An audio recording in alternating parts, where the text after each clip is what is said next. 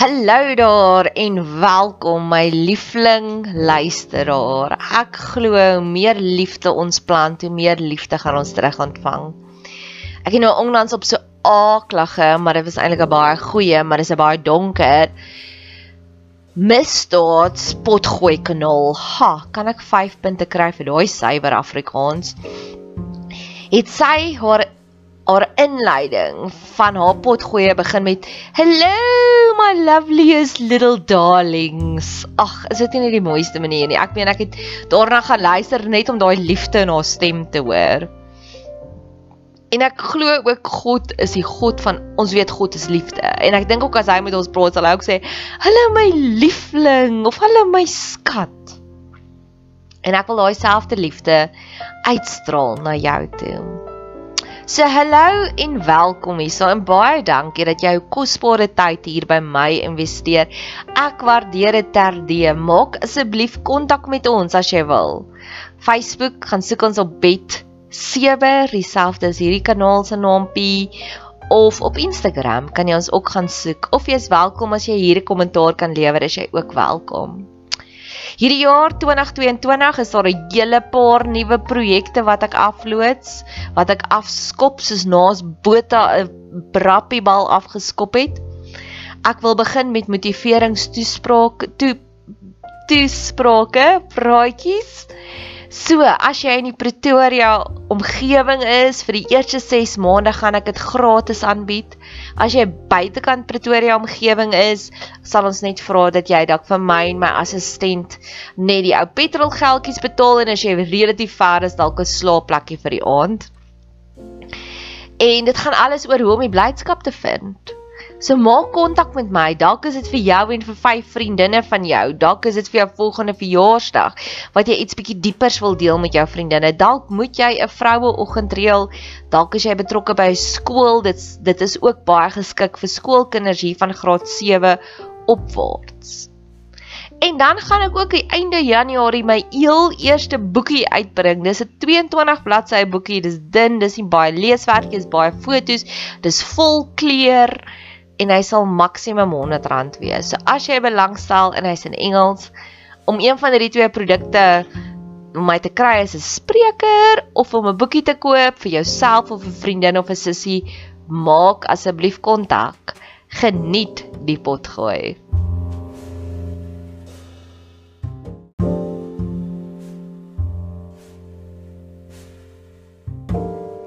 Hierdie is 'n storie van 'n fantastiese vriendin. Rarig 'n amazing vriendin. So baie kere ek is geseënd met 'n baie kleurvolle lewe.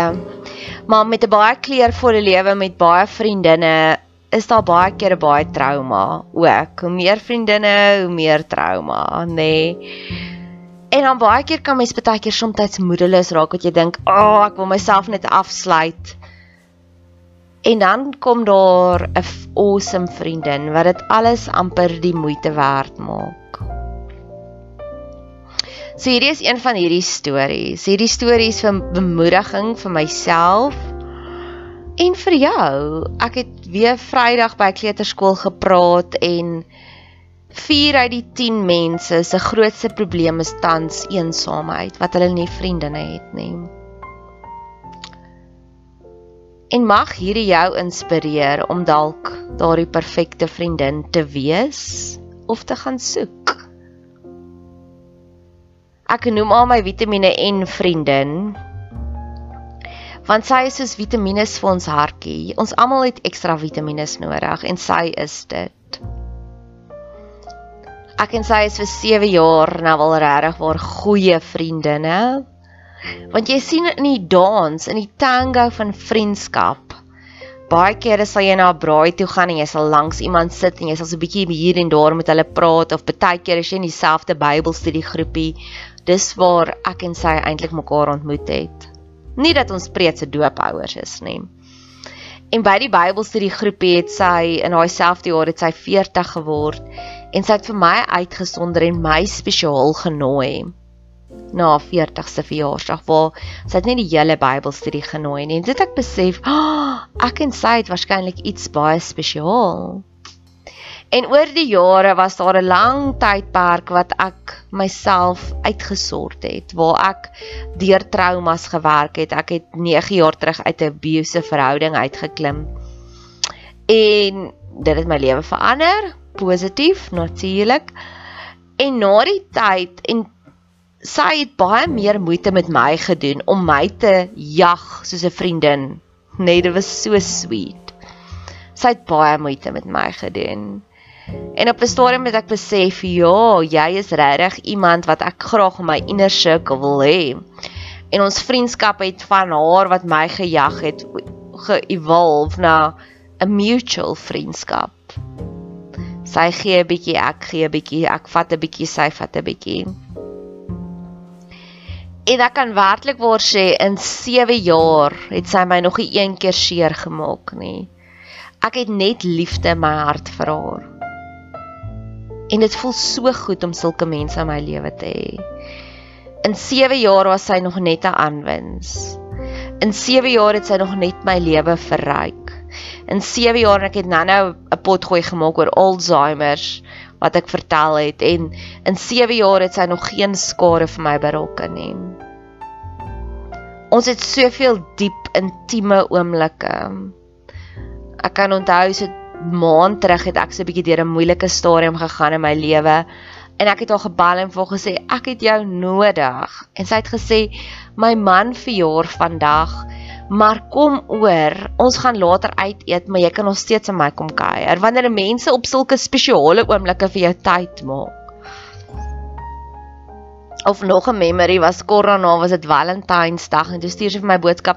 Ek weet dis Valentynsdag, ek weet ek moet vir my man aandag gee, maar kom kom drink net 'n vinnige stoute wyntjie.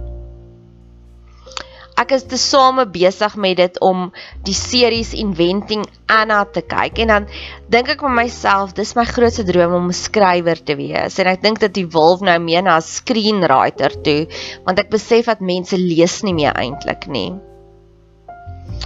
om 'n screenwriter te word. En soos wat Shonda Rhimes hierdie verhaal vertel het van Anna nou kan ek nie af van onthou nie wat dit Anna Delvey en hoe hulle hierdie mens bestudeer het in 'n hele storie geskryf het oor hoe Shonda Rhimes vir dae lank gekamp het, maande lank gekamp het waarskynlik by Anna Delvey om haar hele lewensverhaal te skryf.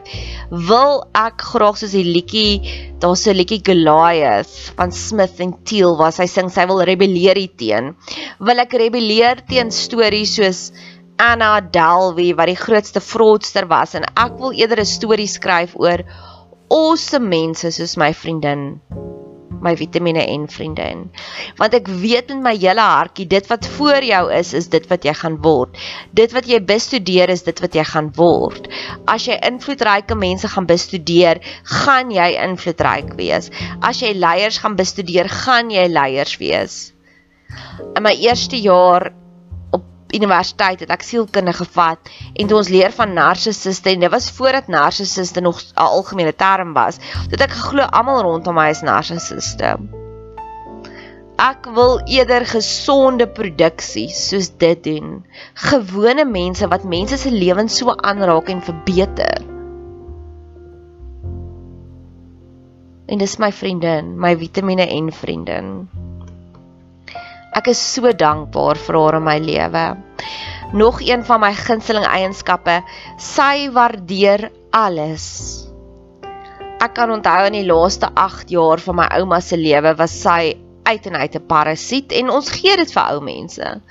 Ek dink as jy jou hele lewe lank so hard gewerk het, kan jy maar op jou ou dag 'n bietjie selfsugtig raak. En ons het gespring rondom my ouma. Ons het gespring vir haar. Ons het alles vir haar gegee en sy het bittermin teruggegee. En dit is okay en ek was lief vir my ouma vir dit want in my eerste 8 jaar van my lewe was sy my alles. En ek was net die teiker. Ek was 'n kind en ek was net 'n teiker en my ouma het rondom my behoeftes gespring. So in die laaste 8 jaar, ek vind dit so profeties. Sy was my eerste 8 jaar van my lewe was sy daar vir my en in haar laaste 8 jaar van haar lewe was ek daar vir haar. So dis 'n gorgeous uitruil transaksie. Maar my ouma was nooit tevrede met enigiets. Sy was onvergenoegd met alles. my boetie, my baba boetie sou al die pad van Welkom af gery het en waar kom kuier het. amper 6 ure op die pad spandeer het net om vir my ouma te kom kuier. En na die tyd as ek vir my ouma gevra het, "So het ouma my boetie lekker gekuier?" Dan sal sy sê, "Ja, dit was net te kort." Dit was altyd net te iets. Dit was nooit genoeg nie. Waar my vitamiene en vriendin waardeer alles wat jy vir haar doen. Sy laat jou so geliefd voel wanneer jy iets vir haar doen. Ek het 2 jaar terug in die lockdown in die hard lockdown het ek toe wyn verban was, het ek vir haar 'n uh, die mooiste wynglas gekoop met sulke goue letters op you're the wine I want en 'n bottel wyn iewers by 'n bootlegger. Nou nog as ek haar sien dan drink sy net uit daardie glas wyn uit en sy was daai wynglas met haar hand. Inteendeel hy lê nou hier by my. Ek gaan hom nou vir haar was. Want as sy nie om in die skorrelgoed masjien sit, kry die wynglas skade. Wanneer jy R20 in iemand investeer en 3 jaar later sien jy nog hoe geniet hulle dit. Dit is wat lekker is. Sy het verlede jaar vir my verjaarsdag vir my 'n verrassingspartytjie gereël en dit was so special. Hulle is besig om te trek en dis hoekom ek nou 'n stoktyd van haar doen. En ek het gereël dat mense kos vat vir hulle. En dit is plain, dit is 'n broodjie met 'n kaasie en 'n tamatie op. Sy het seker 50 keer dankie gesê vir ons almal. Sulke mense is net die beste.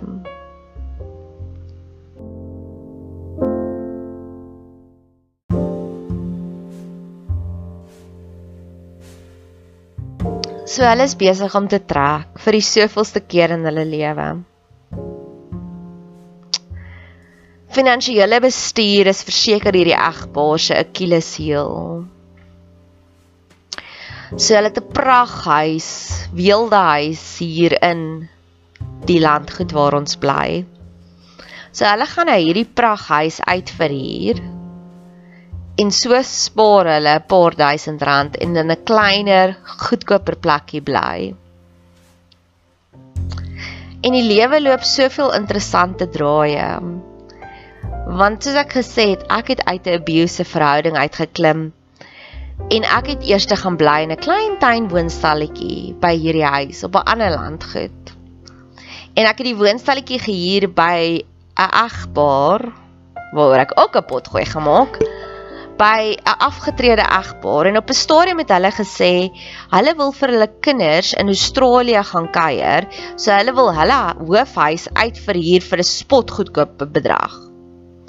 Want hulle het gesê eintlik het hulle nie die inkomste nodig nie, maar hulle wil net nie hê ek moet alleen daar bly nie. Want dit was op 'n plot.